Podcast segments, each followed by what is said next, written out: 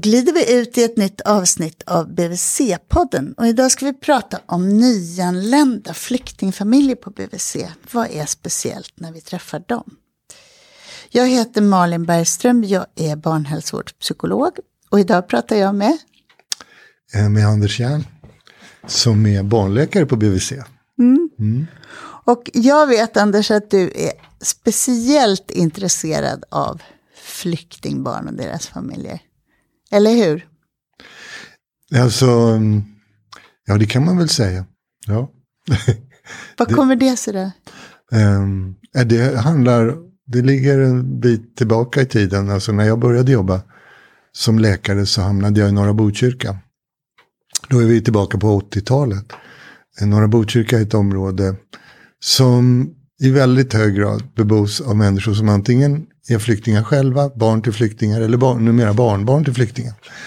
Ehm, så nästan varje möte med en familj där var ett möte med en flyktingfamilj. Och jag insåg ju ganska snabbt att det här har jag inte fått lära mig någonting om under min utbildning. Det, ställer, det är bara fullt med frågetecken hela tiden. Ehm, och då var det så lyckat så att någon oansvarig handläggare på Migrationsverket gav mig en hel del pengar för att under några år jobba enbart med nyanlända flyktingfamiljer.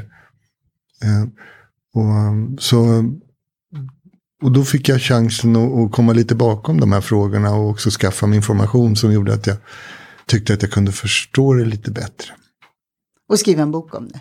Ja, det, först blev det ju en avhandling då. Och sen så slog jag mig ihop med en psykolog som hade mycket, mycket längre erfarenhet av att jobba med flyktingar än jag. Birgitta Angel. Så vi skrev en bok tillsammans 1992. Då. Och du, vad är de där frågorna som väcktes, vad var det för typ av frågor? Um, det var ju frågor kring, dels handlade det om um, de problem som man sökte för. Eh, där, där det var uppenbart, eller som inte var den typ av problem som man hade fått lära sig på, lä på läkarutbildningen. Utan som var en helt annan typ av, av problem. Och så var mycket frågor om psykologiska symptom, psyk psykosomatiska symptom. Man tänkte, man sökte in, inte för fetma utan man sökte för att man var väldigt orolig för att barnen åt alldeles för lite. Och Fast barnen såg väldigt friska ut. Och, Eh, och så kände, märkte man ju att, att det ofta var så att eh, föräldrarna såg lite missnöjda och eh, sådär ut. När, när jag försökte att, att ge dem den vården som jag hade lärt mig att jag skulle ge dem. Så då började jag ju fråga vad det var för vård de egentligen skulle ha velat ha. Och, och det, det, tyckte jag. Det, har, det, är en fråga som jag jobbar med mig fortfarande och väldigt ofta ställer. När jag ser att flyktingföräldrar blir, ser frågande ut och lite missnöjda. Och säger, vad skulle en läkare ha gjort i det landet som, som ni kommer ifrån om du sökte för det här problemet?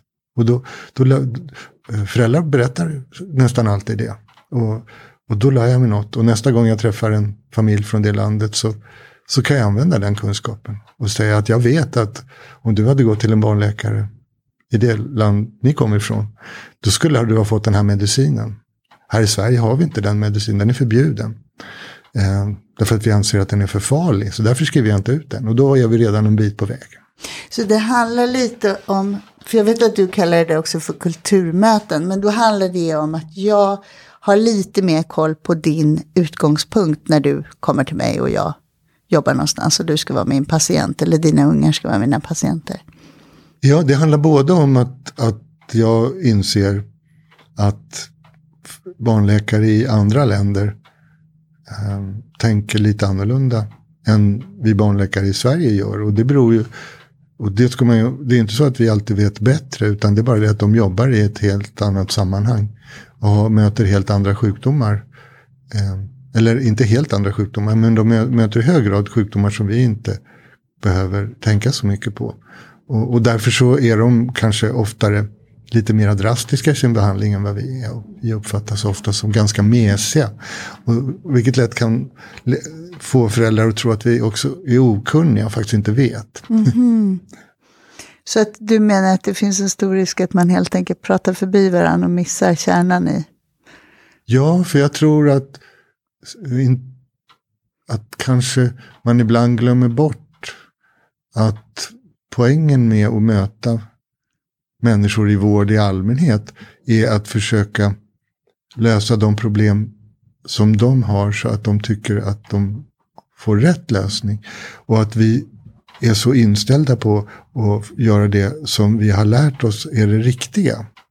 Och när föräldrarna inte riktigt håller med om att det är det riktiga så blir det problem.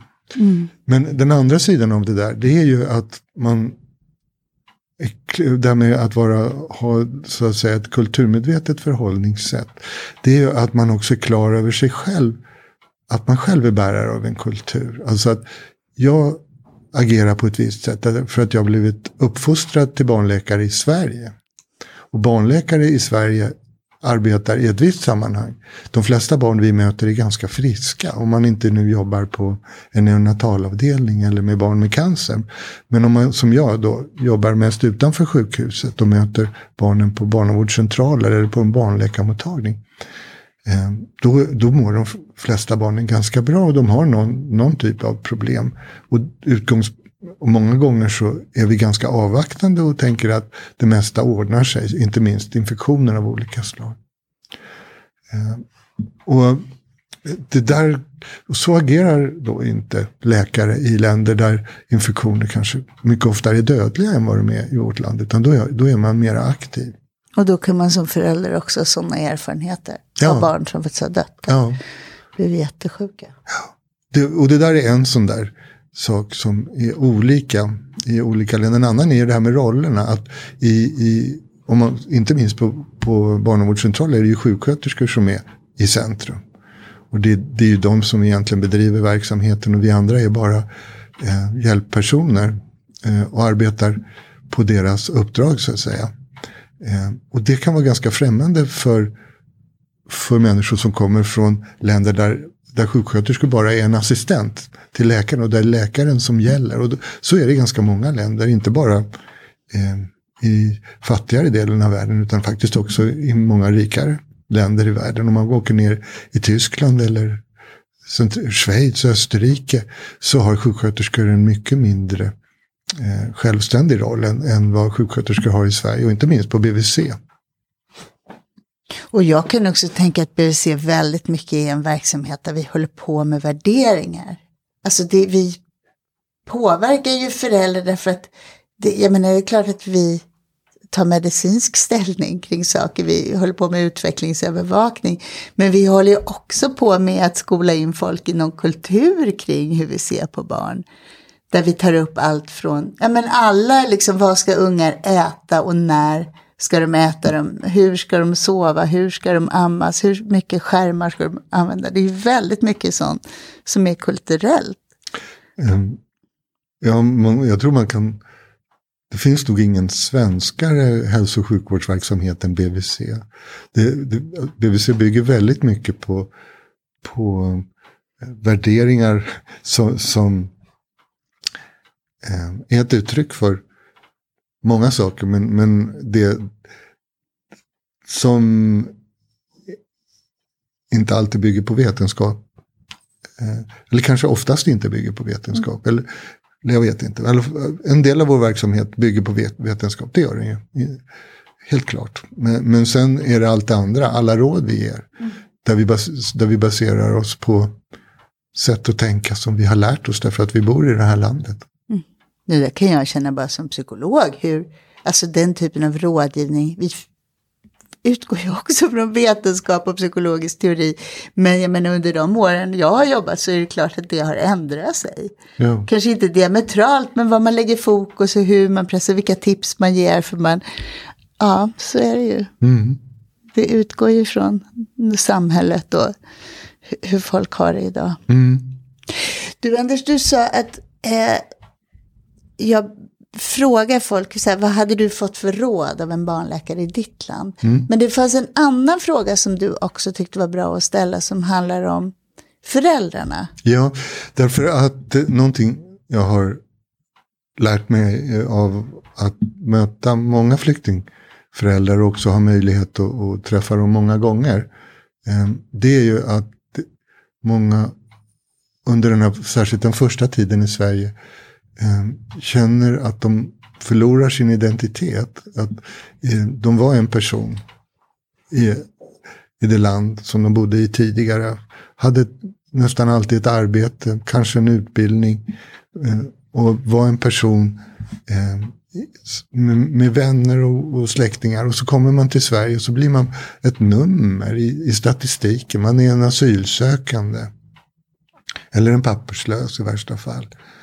Eh, och spännvidden eh, mellan vem man var i hemlandet och vem man är här eh, är, är jättesvår för många. Och, eh, det, det, har också en betydelse för oss därför att om, om vi tänker att eh, det är ganska stor skillnad mellan svenska föräldrar också. Och skillnaden är att när man har jobbat ett tag i Sverige så lär man sig ganska snart att läsa av svenska föräldrar. Man, man kan gissa lite grann om hur, lång, hur länge de har gått i skolan, vad de, vad de har för bakgrund. Man hör att de har en di norrländsk dialekt, okej, okay, de här föräldrarna har, har vuxit upp eh, i glesbygden någonstans.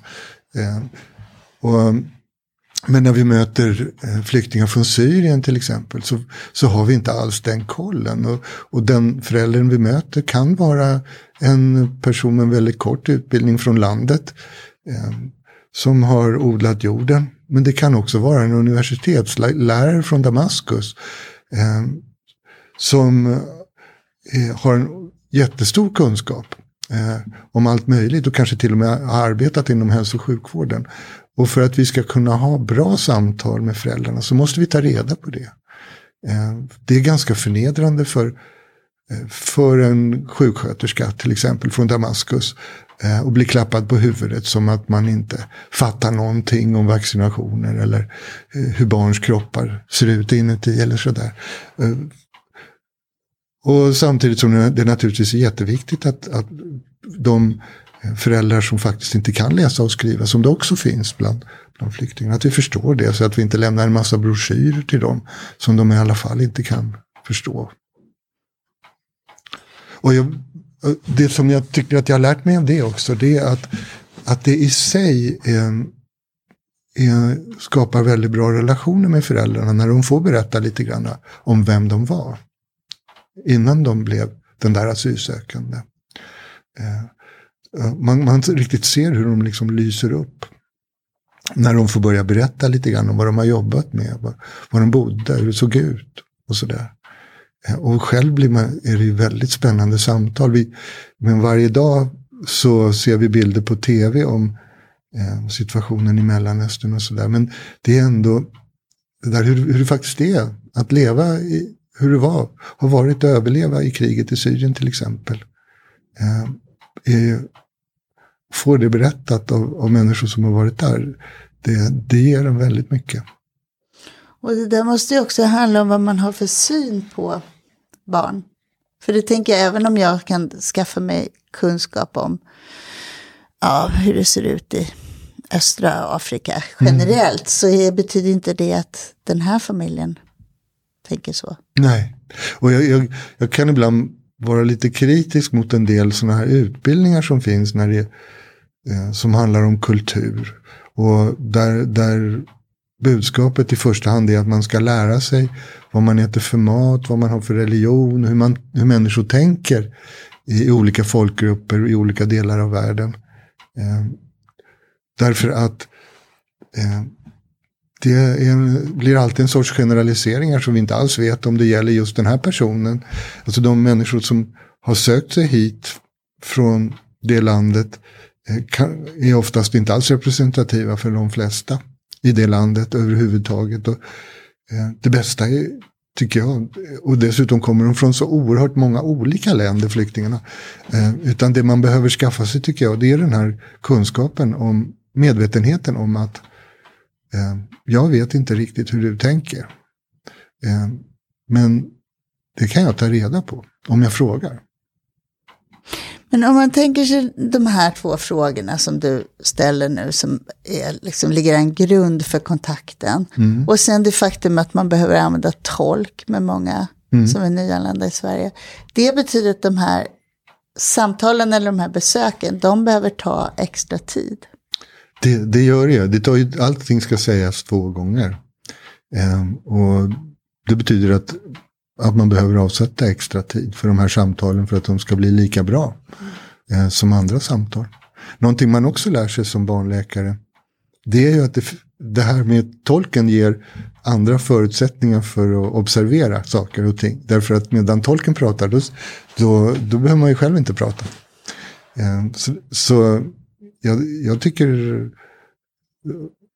så att jag tycker ofta att man får en bättre bild av samspelet mellan barn och föräldrar när man använder tolken hos andra. För att man behöver inte vara så upptagen av sig själv hela tiden. Är det något annat som är speciellt när det gäller att jobba med tolk? Ja, det är ju en hel del. Alltså, eh, jag, to, när det gäller hur man ska, det finns en del saker man kan tänka på eh, för att försöka göra tolksamtalet så bra som möjligt. Ehm, en, det, det kanske allra viktigaste steget det är det man gör när man beställer tolken. Ehm, om man vet att det här är en familj som man ska träffa många gånger. Ehm, om man har en tolk som fungerar väl första gången. Då ska man försöka fortsätta att använda den tolken. När det gäller små barn, att tolka för små barn så är det dessvärre så att en del manliga tolkar är ganska ointresserade. De tycker inte att det här är sånt som de skulle behöva tolka för. Eh, om man nu är lite elak. Och, och dessutom har de inte alltid ett bra språk för det. Eh, på svenska. Så att eh, eh, många gånger är det bästa om man kan få en kvinnlig tolk när, när man eh, jobbar med spädbarnsfamiljer i alla fall. Ehm, och det, har, det finns ytterligare en aspekt av det och det är att i familjer som kommer från patriarkala samhällen ehm, där mannen är den som för ordet så kan ehm, många mammor bli ganska tysta och känna sig väldigt hämmande av att det är en man som tolkar.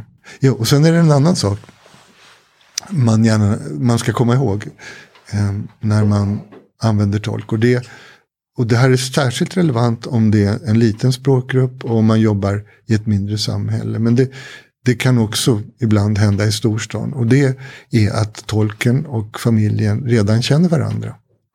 Eh, de kan känna varandra från tidigare tolksamtal på andra ställen. Men det kan också vara så att de är mer personligt bekanta. Och att det kan göra att, att eh, familjen inte känner sig fri att berätta precis allting. Därför att man är rädd att det man berättar kommer att spridas i gruppen. Eh, och det kan vara en förklaring till att en del flyktingar som inte är så bra på svenska ändå säger att nej men jag vill inte ha någon tolk. Eh, och därför ska man alltid ge familjen eller föräldrarna chansen att godkänna tolken innan man börjar tolksamtalet. Det värsta jag varit med om i den vägen det var eh, en mottagning jag hade i Flemingsberg. Och där tolken började slåss eh, med pappan i familjen. Och där, där det fanns en väldigt speciell historia där familjen, där, var, där man hade väldigt intima relationer. Eh, och det hade vi kunnat undvika om vi hade givit fa- familjen en chans att säga att nej den här tolken vill vi inte vi ha. Vad är dina erfarenheter av telefontolk? Um, de är, jag, när, man, när man tolkar för barn så är telefontolk aldrig lika bra som, som eh, i alla fall inte för, när man tolkar för förskolebarn. Eh, som att ta tolken i rummet. Eh, barnen har väldigt svårt att acceptera det. De, de tycker hela tiden att det är konstigt. Vux, med vux, om man bara pratar med föräldrar så kan det gå bra. Eh, men det, enligt min erfarenhet är det, är det alltid bättre att ha en tolk i rummet om man, om man kan. Eh, man ska också ta, ta chans, alltså tol, tolkar, erfarna tolkar, de ser många sjuksköterskor och läkare samtala med patienter. Och de samlar på missförstånd. Så, så man ska ju aldrig prata om enskilda familjer med, med tolken efter att familjen har gått därifrån. Men man, man kan ju prata i mer allmänna termer och säga om eh, Tror du att det var någonting som de inte förstod till exempel? Och då, då kan de ofta säga, ja det där, det, det, det märkte jag att det, det fattade de inte. Eller det är vanligt att, att, att det blir missförstånd kring samtal av det här, om det här och så vidare. Så, så det tycker jag också att jag har lärt mig av. Och jag, tyck, och jag tycker också att man ska, ha, man ska förstå att vara tolk är ett svårt jobb. Eh, och att de tolkar som gör det bra, eh, de gör en viktig insats. Och det, därför ska vi också ge dem den respekt som de förtjänar. Eh, och som man talar om det för dem. tycker jag är viktigt. Du vill prata om flyktingar nu, vi pratar om nyanlända flyktingar. Jag tänkte liksom kring det där begreppet flyktingar. Vad, alltså vad, vad, för när vi jobbar så pratar vi ibland om utlandsfödda föräldrar eller utlandsfödda barn och man pratar om migranter idag. Hur ska man tänka kring alla de där begreppen? Ja, det är, nog, det är lite av en djungel kan man säga. Och, då, och det som inte gör det lättare det är att det förändras över tid. Eh, i höstas. Det känns så lätt som att det blir så stigma, att man kan bli lite försiktig för man vill inte säga något som kan tolkas som negativt eller alltså som har någon slags konnotation som är dålig. Eller det är en, bara där börjar det liksom någon slags komplexitet, att man vill bemöta folk på ett schysst sätt. Liksom. Ja, tack och lov så är det ju inte vår roll riktigt att, att äh, bestämma vem som är flykting eller inte, utan det är ju andra som gör det. Eh, men att vara flykting är ju i princip att man har varit tvungen att lämna sitt land. Till skillnad från de som skulle ha kunnat stanna kvar men ändå väljer att eh, flytta av andra skäl. Kanske därför att man vill skaffa sig en, en bättre ekonomisk tillvaro i det nya landet och är arbetslös eller så. Men, men när man tänker på en flykting så är det ju någon som Antingen på grund av krig som ju har varit det vanligaste på senare år. Eller också på grund av politisk förföljelse. Riskerar helt enkelt att, att bli dödad. Eh, som är en flykting. Eh, och då kan man säga att med på senare år så har väl de linjerna mellan det som vi tidigare kallade för ekonomiska migranter och flyktingar suddats ut lite grann. Eh, inte minst pratar vi ibland numera om klimatflyktingar från södra Afrika. Att klimatet gör uh, att människor ger sig ut på, på flykt, tvingas, ut på, uh, tvingas iväg. Så att det, uh, det är levande materia. Det är levande materia och det är som sagt vår roll är ju att, att förmedla barnhälsovård. In, inte att kategorisera personer. Så att. Men om man ändå vill lyfta lite blicken, hur har flyktingströmmarna sett ut? Om man tänker eh, familjer med, med små barn. Eh, alltså om, om vi, jag antar att du tänker på de senaste åren. Ja, eller? såklart, eftersom ja. det också har varierat mycket här. Ja, visst. Alltså flyk, var, flyktingarna kommer ju från de delar av världen där det, där det är krig eller diktatur, politisk diktatur. Och så som det har, de har kommit ifrån eh, under de senaste åren så är det ju krigen i, i Mellanöstern, framförallt i Syrien, kriget i Afghanistan, eh, kriget i Irak, eh, som har genererat de flesta flyktingarna. Eh, sen så finns det ju också enstaka politiska diktaturer, framförallt den i Eritrea som också har, har tvingat många människor på flykt. Och de, ganska många har sökt sig till Sverige. Så, så, det är ju den bakgrunden som har varit det vanliga. Men sen kommer det också en och annan enstaka flykting från länder eh, som man vet väldigt lite om. Och de eh, flyktingarna är ofta kanske de mest sårbara därför att de har svårt att hitta eh, nätverk, människor från det egna landet här i Sverige. Jag kommer ihåg att jag träffade en gång en flyktingfamilj från Kashmir i Indien. Och um, de kände inte någon överhuvudtaget mm. som pratade deras språk här i Sverige. Um, och då blir man utsatt? Och då är man väldigt ensam. Ah. Mm. Jag har också träffat rätt mycket nyblivna mammor som har kommit, blivit gravida och kommit precis när man får sitt första barn. Det är också en ganska utsatt situation innan man har hunnit etablera sig på något sätt Ja. i Sverige. Nästan oavsett var man kommer ifrån så är det ja, verkligen en utmaning. Ja. Ja, och det eh, att det är en, man kan se att det är en liten topp när det gäller att föda barn under den närmaste tiden efter att man har kommit till Sverige. Och det, kan, det beror ju på, det är ju alltid väldigt personliga orsaker till varför man blir gravid. Men, men en möjlighet som man ju alltid ska ta med sig i när det är kvinnor som kommer till Sverige och föder barn ganska snart, det är att barnet kan, faktiskt kan vara resultatet av en våldtäkt. Eh, det har vi ju börjat prata mer och mer om. Att, att i krig, men också på vägen, eh, så som flyktvägen har sett ut under de senaste fem, sex åren, där man Eh, kan men, eh, kvinnorna som har kommit på båtarna, eh, som har vandrat genom, eller rest genom Sahara, eh, så finns det förskräckliga, förskräckligt höga andelar av kvinnorna som har varit utsatta för sexuella övergrepp på vägen. Eh, Det finns rapporter om att till exempel kvinnorna som har, eh, från Afrika som har kommit via Marocko upp i, upp i Spanien, att majoriteten av dem har varit utsatta för sexuella övergrepp innan de kom till Spanien på vägen. Så, så att det är någonting man ska ha med sig. Och helt enkelt hålla koll på hur man mår. Ja, att det kan vara en möjlighet. Du, om man tänker så här rent konkret, hur ser rätten till hälso och sjukvård ut? Både om jag är asylsökande och om jag är ja, papperslös också. Mm. Någonting som, som jag är glad för, eh, det är att vi i Sverige har sedan lång tid tillbaka nu eh, bestämt oss för att barn är barn först och främst.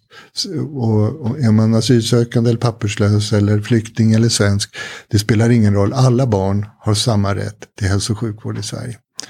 Och det är inte en självklarhet i Europa idag. Man behöver inte åka längre än till Danmark för att, för att hitta ett land som har andra regler.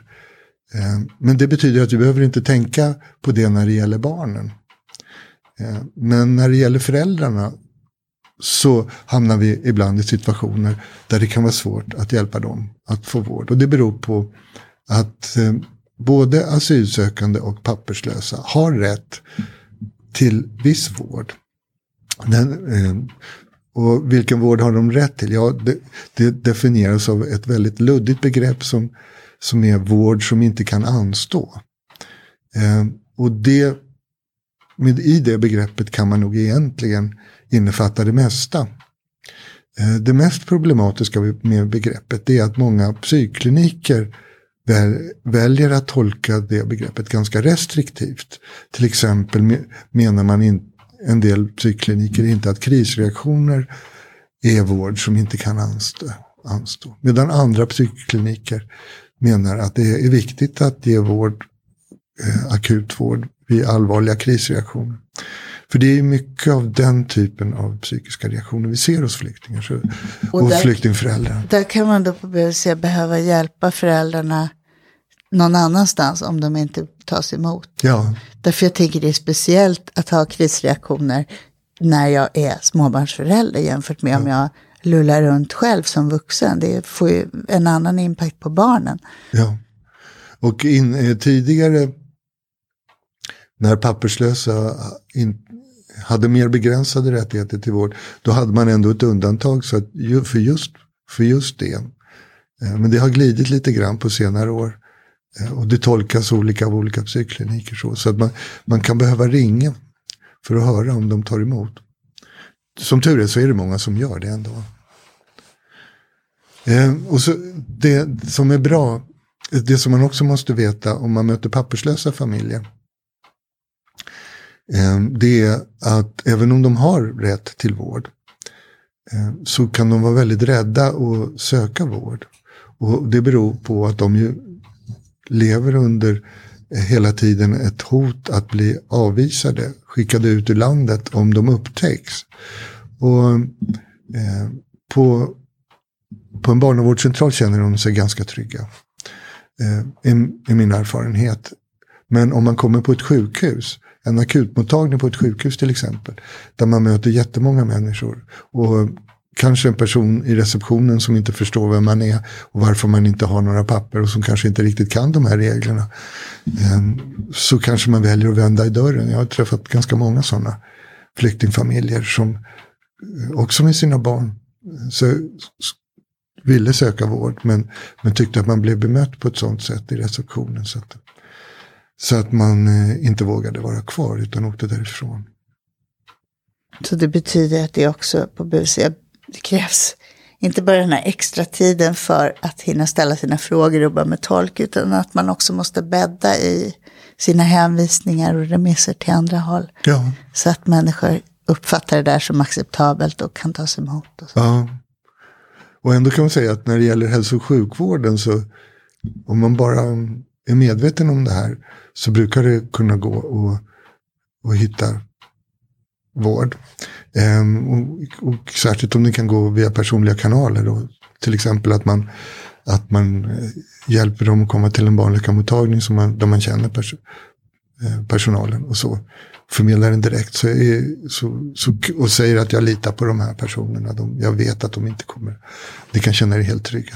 Så, så brukar, brukar det ju gå bra. Det som är, egentligen är det svåraste bekymret det är att man möter familjer som mår som har det väldigt svårt socialt. Um, alltså att de till exempel inte har något fast boende utan att, att de flyttar mellan lägenheter hela tiden och hela, ibland faktiskt bor på gatan därför att de inte hittar något boende.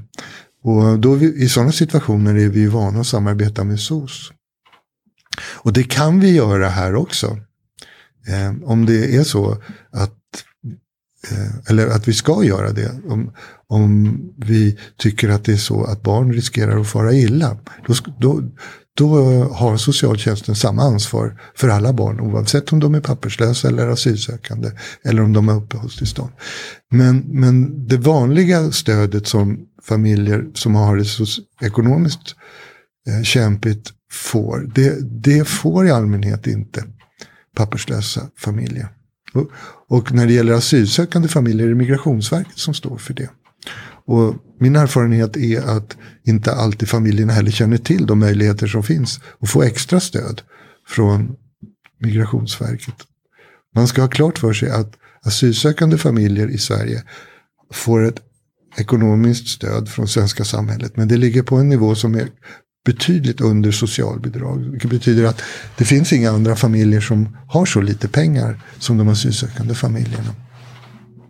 Det betyder att det kan, att, eh, när det blir vinter till exempel, att det kan vara en stor sak för dem att köpa ordentliga vinterkläder till barnen. Eh, och eh, då vet jag att det är så att Migrationsverket har särskilda pengar avsatta för att ge asylsökande familjer eh, Just så att de ska kunna köpa vinterkläder. Men det vet ofta inte familjerna själva. Eh, men det, så i första hand när det gäller asylsökande familjer är det Migrationsverket som ska hjälpa dem. Eh, men det finns ju också en, en stor ideell sektor i Sverige som hjälper flyktingfamiljer.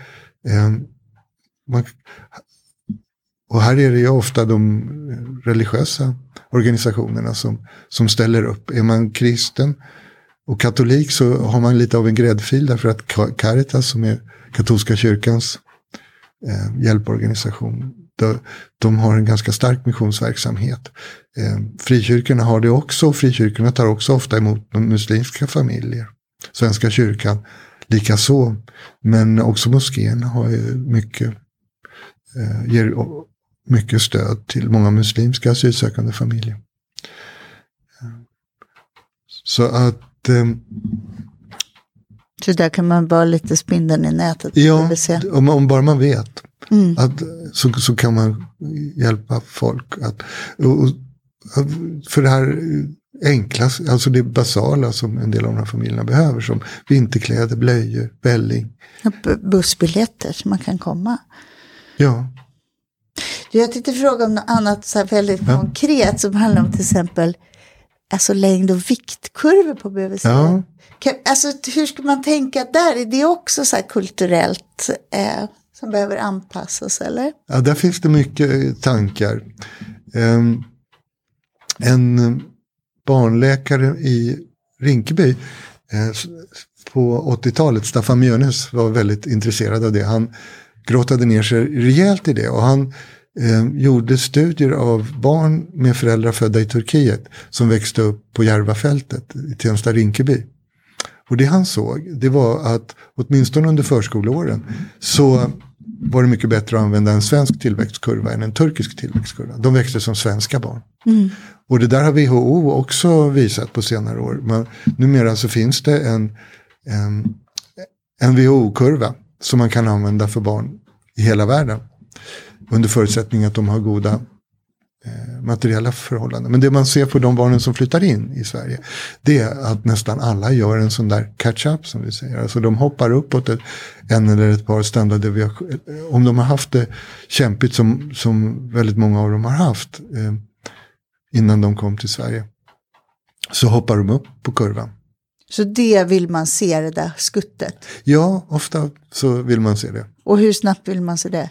Alltså eh, under de första två åren, skulle jag säga. Och den här WHO-kurvorna, mm. kan vi länka till dem? Eller? Nej, alltså vi kan använda de svenska kurvorna. Det finns ingen anledning att, att använda dem, men man kan använda dem också. Ja. ja. Men vi, egentligen så ska vi vila i att oavsett ja när barn växer upp i Sverige då ska vi använda svenska kurvor. Ja. Mm.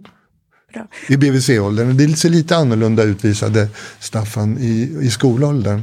Därför att de här barnen som hade turkiska föräldrar de blev lite kortare än, än eh, svenska genomsnittsbefolkningen. Då. Att, eh, Men på BVC så, på BVC så går det fint med de vanliga tillväxtkurvorna. Sen kan det också vara andra, tänker jag.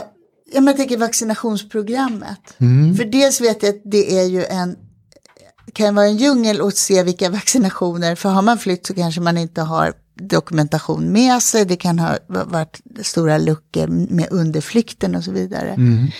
Men också kan man ju ha en annan syn på vaccinationer än om man är född i Sverige.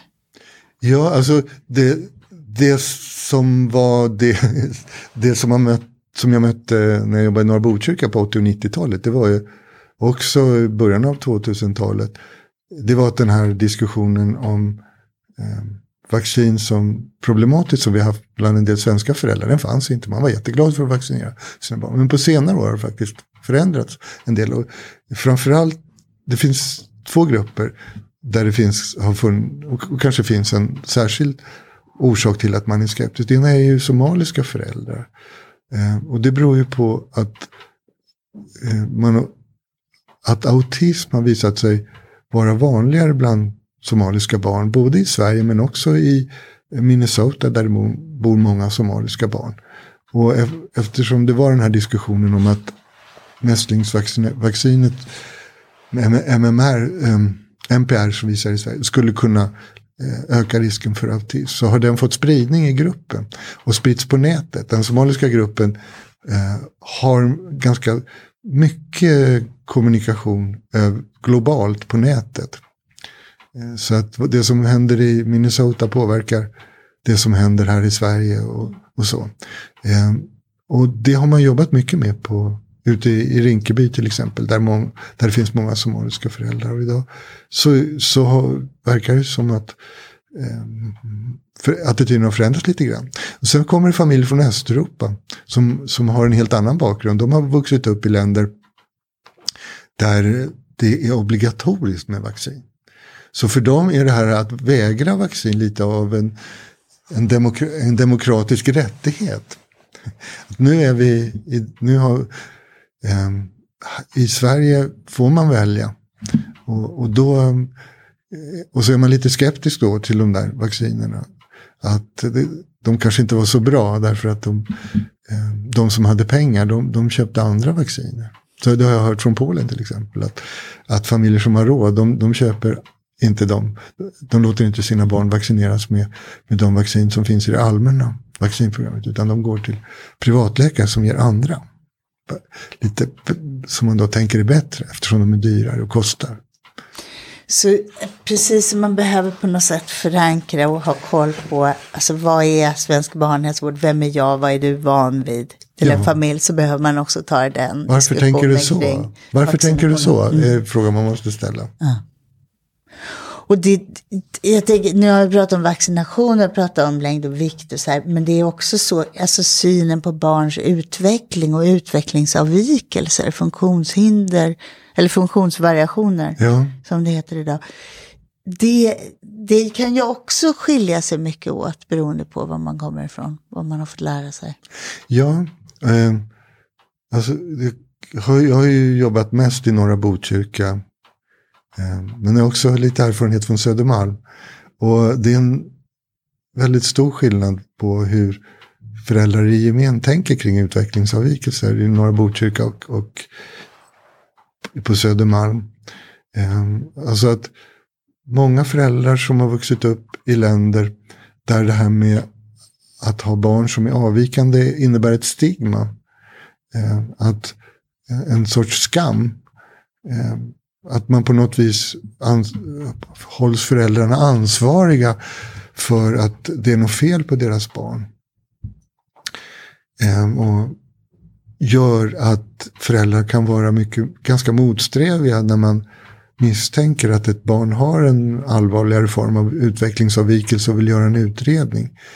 Ehm, Att man då måste vara, vara beredd att ha tålamod och, och ge föräldrarna tid och, och tänka efter. Och, och att man också behöv, kan behöva motivera det. Men då är det bra att ha med sig mm, att inte bara i det land man kommer ifrån utan också i den gruppen man lever i här i Sverige. Att det kan finnas andra tankar kring barns utvecklingsavvikelser. Mm. Jag tycker ju alltid det är fint att se det också som ett barnskydd. Att man inte, och jag menar vi ibland pratar så här, vi ska motivera föräldrar till utredning och så. Och så föräldrar vill inte alls vara med på det tåget. Och det kan jag också tycka att det finns något väldigt bra i det. Att man faktiskt vill att ens barn ska vara perfekt så som det är. Liksom. Ja, absolut. Och, och det finns en annan sida av det. För det, det man ju då tvingas att säga som, som personal på BVC, när man ska motivera föräldrarna, det är ju att man ska kunna svara på frågan, och vad leder det till för något som är bra för mitt barn om vi nu eh, diagnostiserar en utvecklingsförsening till exempel hos en fyraåring.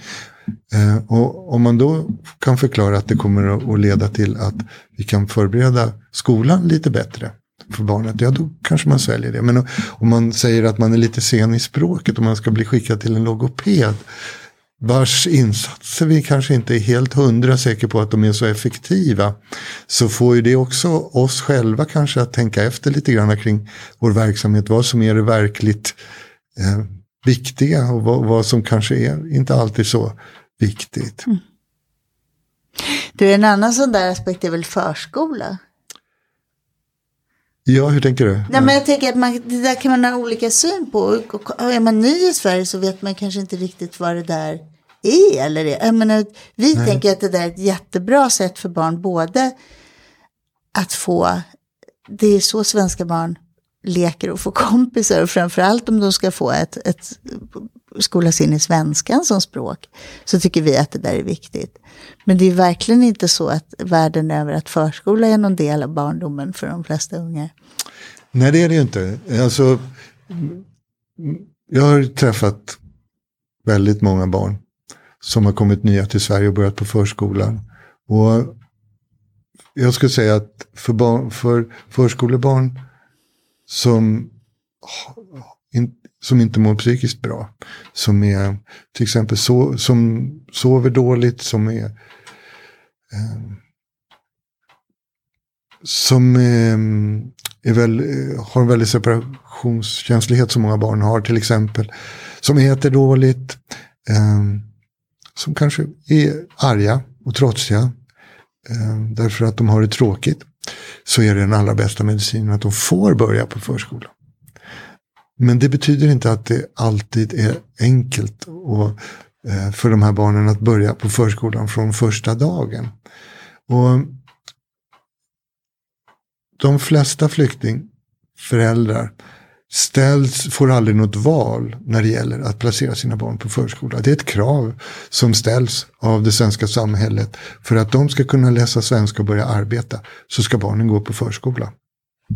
Därför att eh, om de inte själva kan försörja sig vilket, på annat sätt, vilket väldigt få familjer kan under den första tiden i Sverige. Och det innebär att det är en sorts tvångsplacering, att det av föräldrarna kan uppfattas som en sorts tvångsplacering av barnen. Och då tror jag att det är viktigt att man kan se det genom föräldrarnas ögon på det sättet att det handlar om att de ska lämna sitt barn som inte kan prata svenska till eh, förskolepersonal som vanligen inte kan prata det språk som barnet pratar. Och i en barngrupp där det kanske finns ett eller två av de andra barnen som pratar samma språk som det barnet. Men annars är det en miljö där barnet kommer att ha väldigt svårt att kommunicera. Och där personalen kommer att ha svårt att, att kommunicera med föräldern. Och därför inte heller kan ge den typ av feedback som man annars som eh, dagisförälder är van att få. Hur har, hur har det varit idag? Eh, så det, inskolning behöver ofta ta lång tid helt enkelt. Mm. Men det betyder inte att eh, man ska ge upp. Det ska vara väldigt speciella skäl om, om man ska ge upp med inskolningen. Eh, jag har genom åren också samlat på mig ganska många sådana här söta historier som, som eh, flyktingbarnen som på lördag morgon klockan fem springer ut i stövlarna eh, iklädda pyjamas och genast och vill gå till förskolan nu. Åh, det är gulligt. Ja. Och tänker jag att det handlar, jag menar som vi har pratat så mycket om, att det handlar om att motivera och förklara varför vi tycker det här kan vara bra för barn. Ja. Då glider vi ut från det här avsnittet av BVC-podden. Tack Anders!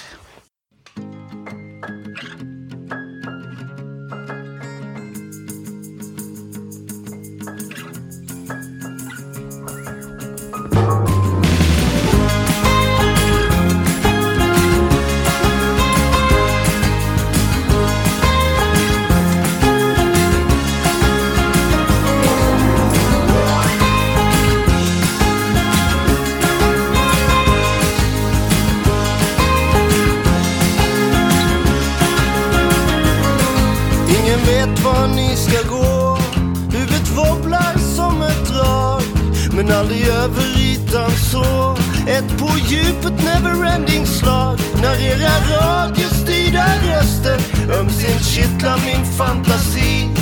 Flipper spelar sönder impulserna för mitt självbedrägeri.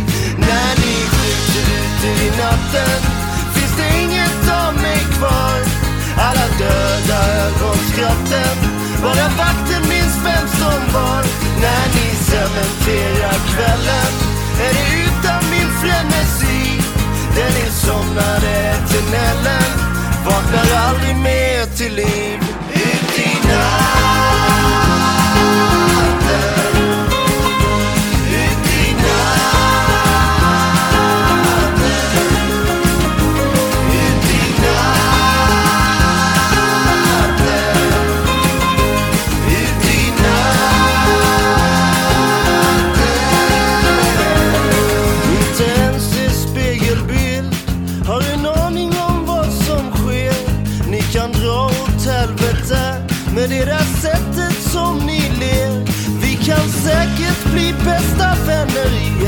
Sunshine of the spotless mind. Men inte riktigt när du bara älskar mig. Genom rök och vodka lime. När ni skjuter ute i natten Finns det inget av mig kvar. Alla döda ögonskratten Bara vakten minns vem som var. När ni cementerar kvällen Är det utan min frenesi. Den insomnade eternellen. Vaknar aldrig mer till liv